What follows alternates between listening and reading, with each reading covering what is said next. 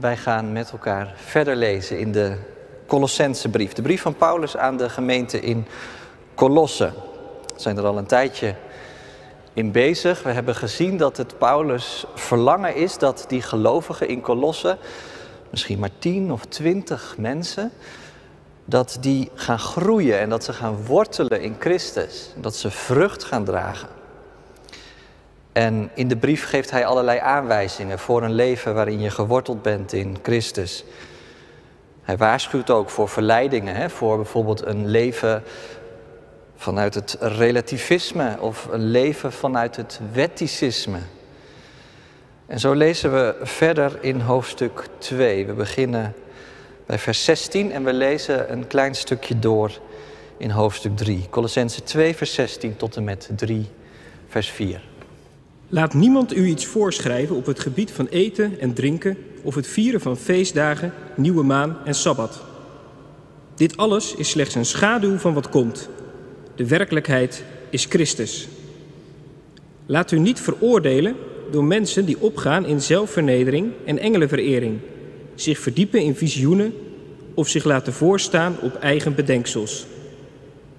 Zulke mensen richten zich niet naar het hoofd, van waaruit God het hele lichaam door gewrichtsbanden en pezen ondersteund en bijeengehouden doet groeien. Als u met Christus dood bent voor de machten van de wereld, waarom laat u zich dan geboden opleggen alsof u nog in de wereld leeft? Raak dit niet aan, proef dat niet, blijf daarvan af. Het zijn menselijke voorschriften en principes over zaken die door het gebruik vergaan. Dat moet allemaal voor wijsheid doorgaan, maar het is zelfbedachte godsdienst zelfvernedering en verachting van het lichaam. Het heeft geen enkele waarde en dient alleen maar tot eigen bevrediging. Als u nu met Christus uit de dood bent opgewekt, streef dan naar wat boven is, waar Christus zit aan de rechterhand van God. Richt u op wat boven is, niet op wat op aarde is. U bent immers gestorven en uw leven ligt met Christus verborgen in God. En wanneer Christus uw leven verschijnt, zult ook u samen met hem in luister verschijnen. De tekst voor de verkondiging is Colossense 3, vers 1, 2 en 3. En ik lees die woorden nogmaals. Als u nu met Christus uit de dood bent opgewekt, streef dan naar wat boven is, waar Christus zit aan de rechterhand van God. Richt u op wat boven is, niet op wat op aarde is. U bent immers gestorven en uw leven ligt met Christus verborgen in God. Gemeente van Christus, hier in de kerk aanwezig, thuis met ons verbonden. Misschien heb je het wel voorbij zien komen in het nieuws deze week. De astronaut Michael Collins is overleden. Samen met de wereldberoemde Neil Armstrong en Buzz Aldrin bemande hij de eerste missie naar de maan in 1969.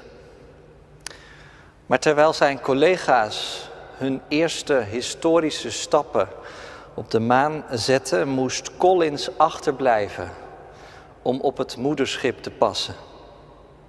Hij wordt wel de vergeten astronaut genoemd. Hij is heel dicht bij de maan geweest, maar er niet op.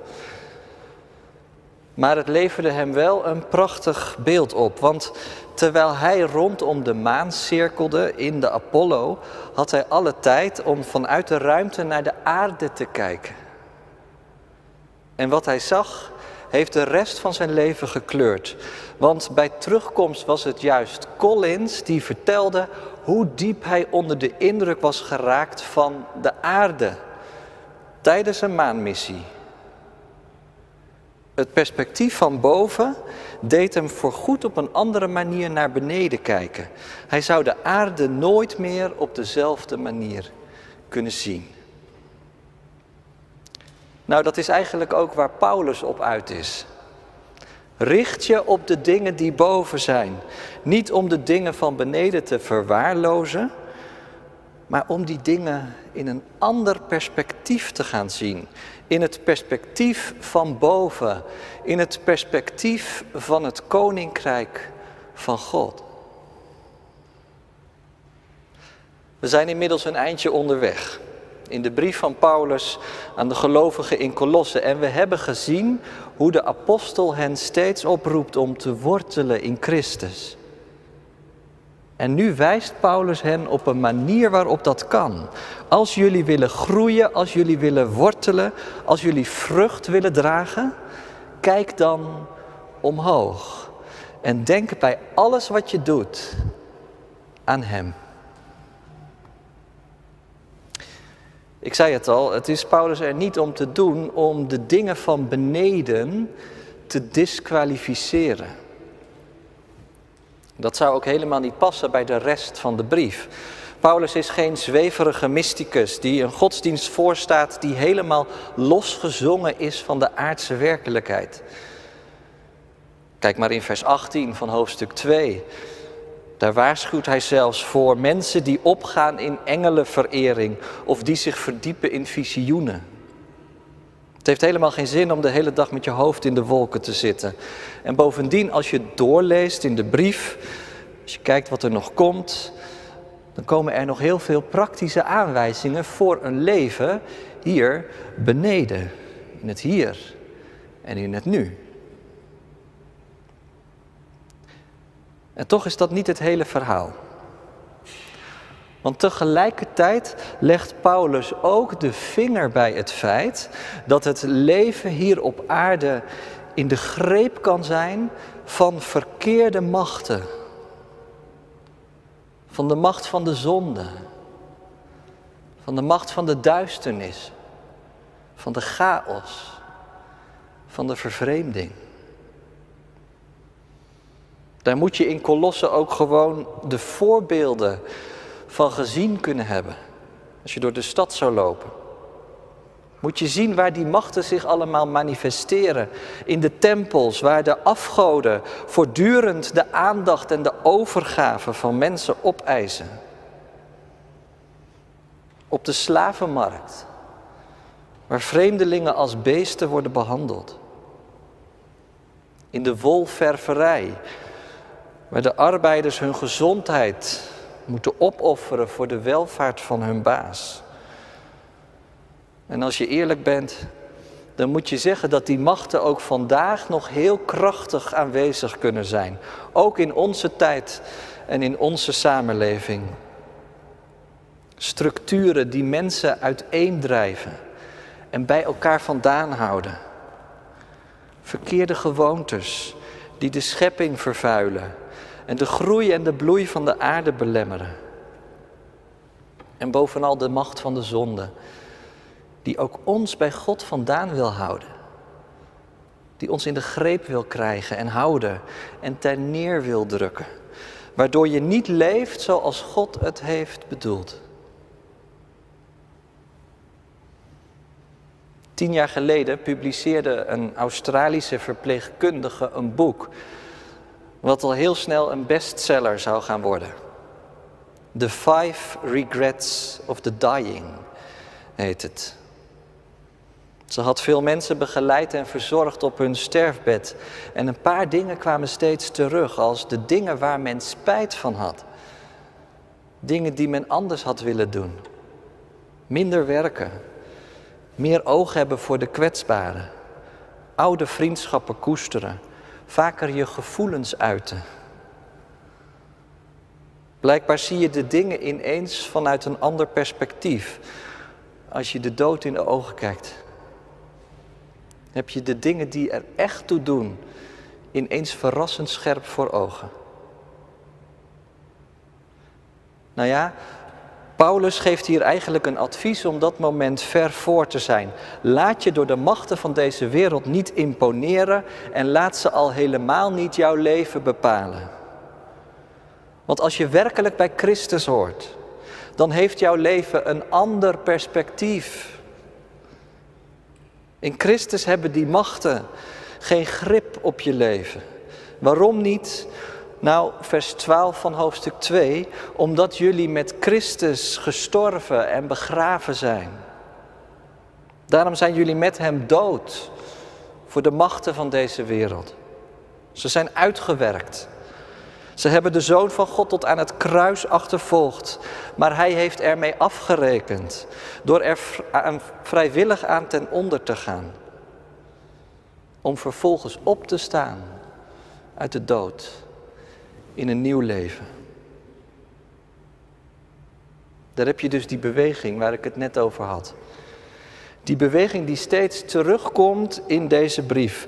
Met Christus sterven en met Hem opstaan. Blijkbaar is dat heel belangrijk. Om steeds terug te gaan naar Goede Vrijdag en Pasen. Want dat zijn gebeurtenissen die werkelijk funderend zijn voor het leven van een christen.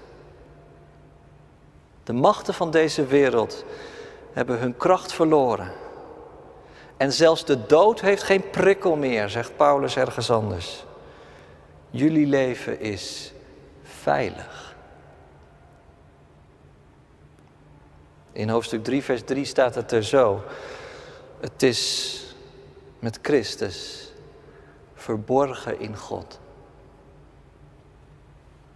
Ik weet niet hoe het jou vergaat. Maar zo'n zin roept bij mij een hele wereld aan betekenis op. Aan de ene kant roept dat woord verborgen een gevoel van veiligheid op, geborgen. En aan de andere kant heeft het ook iets mysterieus. Je kunt er nooit helemaal achter komen wat het nou betekent. je kunt je er eigenlijk alleen maar over verwonderen. Zou het zo zijn? Is dat echt het evangelie? Dat mijn leven veilig is, verborgen ligt in God. En nou denk ik dat Paulus die verwondering eigenlijk heel concreet maakt.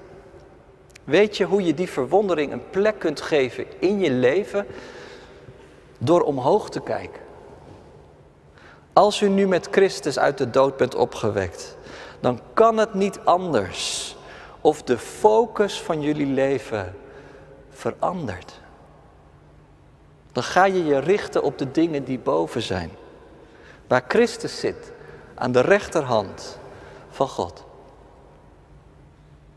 Dan is het dus al even hemelvaartsdag. Want die rechterhand, dat is de plek die gereserveerd is voor de Heer van hemel en aarde. Inderdaad, voor de koning die heeft overwonnen. Die alle machten van beneden, de basis. En die alle dingen nieuw kan maken die een nieuwe ruimte heeft geopend.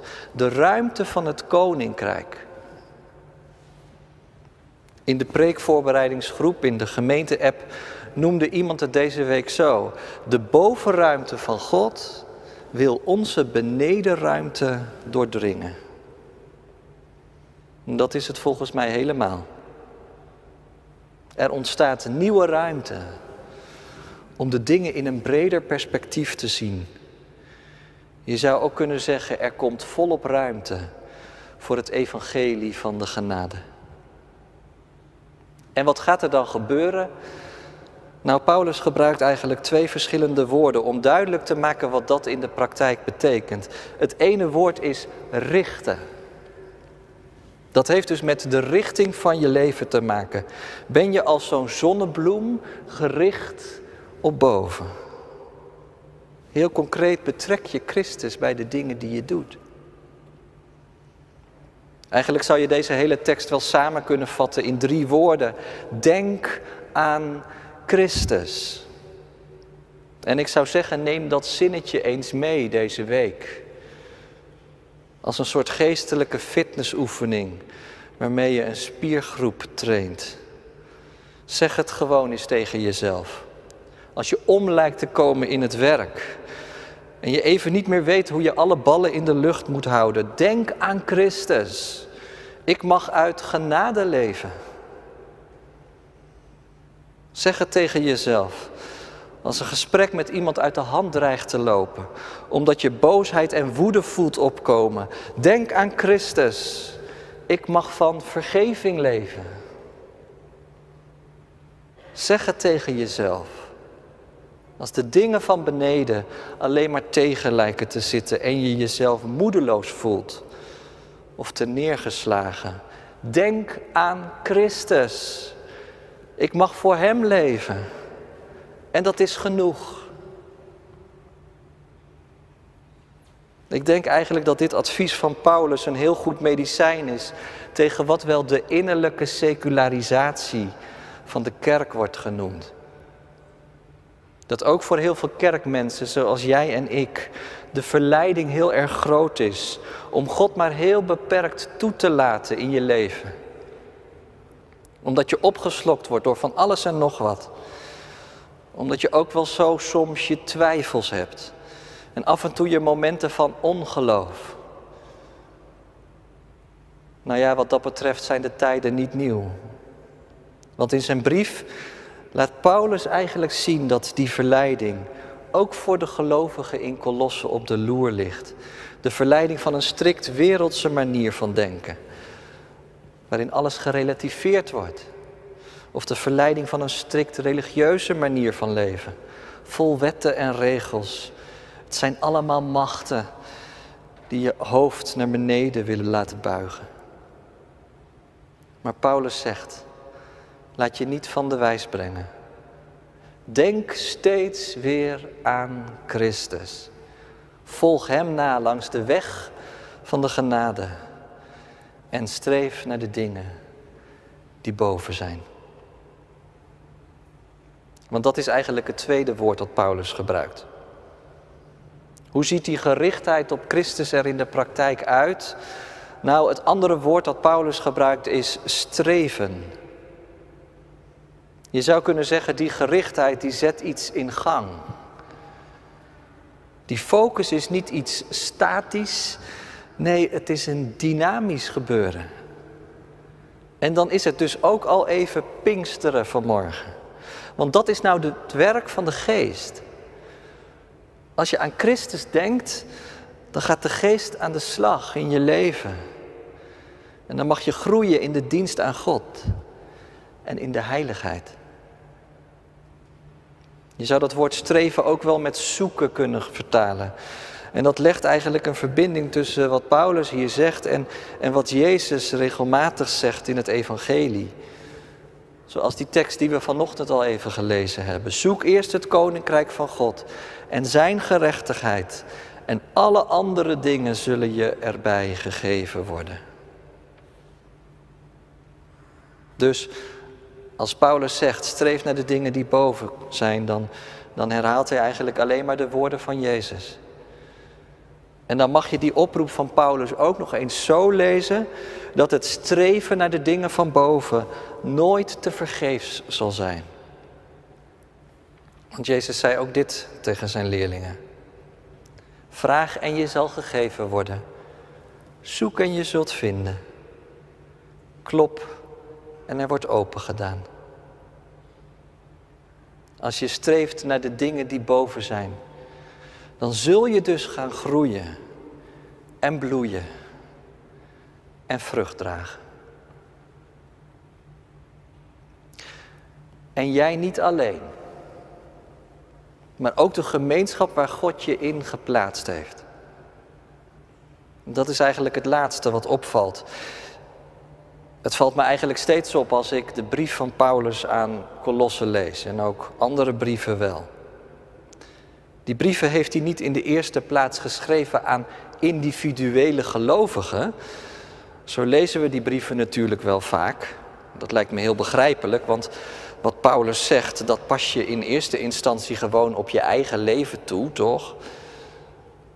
Maar als je de Griekse tekst erbij pakt, dan staat het er toch echt steeds in de tweede persoon meervoud. Jullie moeten je richten op wat boven is. Jullie mogen streven naar de dingen van de hemel. Dat moeten die gelovigen in Kolossen dus niet in hun eentje doen. Nee, dat mogen ze samen doen. Ik vind dat eigenlijk wel heel mooi en belangrijk. Paulus spreekt ons als hele gemeente aan. En we hebben elkaar er volgens mij ook hard bij nodig. Hoe kan een kerk werkelijk gaan groeien en bloeien in een seculiere tijd? Dat kan alleen als we gezamenlijk omhoog kijken. Als we gezamenlijk bidden om het werk van de geest in ons midden. Denk nog even aan dat beeld van die zonnebloemen. Samen gericht zijn op God, die de wasdom wil geven. Moest even denken aan een film uit 2004, al best wel lang geleden. As It Is in Heaven heet die. Die film die gaat over een kerkkoor ergens op het Zweedse platteland. En daar is van alles en nog wat loos. Samenleven en samenwerken valt nu eenmaal niet altijd mee. Maar als gevolg van allerlei veranderende omstandigheden, er komt bijvoorbeeld een nieuwe dirigent, zie je de sfeer langzaam maar zeker veranderen. Er vindt echt een perspectiefwisseling plaats. En het wordt in dat dorpje steeds meer hemel op aarde. Dat zie je bijvoorbeeld aan de manier waarop ze met elkaar omgaan. Nou ja, dat koor, dat is natuurlijk de christelijke gemeente niet. En toch zou Paulus dit niet bedoelen als hij de gelovigen in Kolosse oproept om omhoog te kijken. Denk aan Christus. Laat jullie vullen met zijn geest, zodat ook in ons midden het licht van boven de dingen hier beneden in een heel nieuw perspectief zet. In de verwachting van zijn komst in heerlijkheid. Amen.